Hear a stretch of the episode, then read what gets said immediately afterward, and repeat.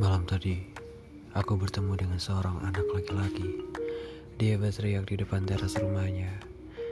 Dia berkata bahwa setiap hidupnya adalah mimpi buruk. Setiap hal yang diterima adalah racun. Semua pohon berguguran, semua awan berwarna hitam. Apa yang terjadi? Dan dia masih bertanya.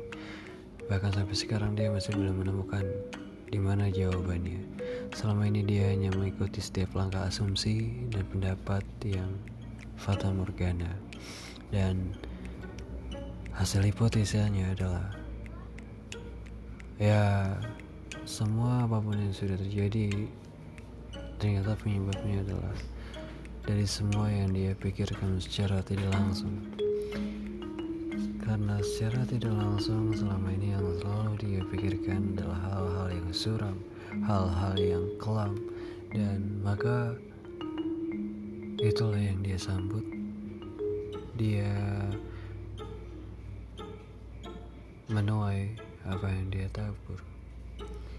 Dan mimpi buruk-mimpi buruk itu tidak akan pernah pergi, tidak akan pernah hilang Apabila dia tidak pernah tahu seperti apa itu mimpi indah, seperti apa itu rasanya hangat, seperti apa itu rasanya tangis bahagia.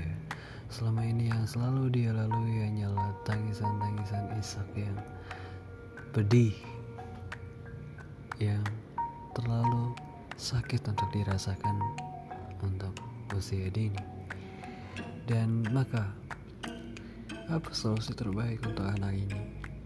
Bagaimana cara menghilangkan mimpi buruk dan bagaimana cara melahirkan pelangi untuk anak ini? Ah, mari kita membuat sebuah teori. Dan teori terbaik untuk malam ini adalah jangan pejamkan matamu.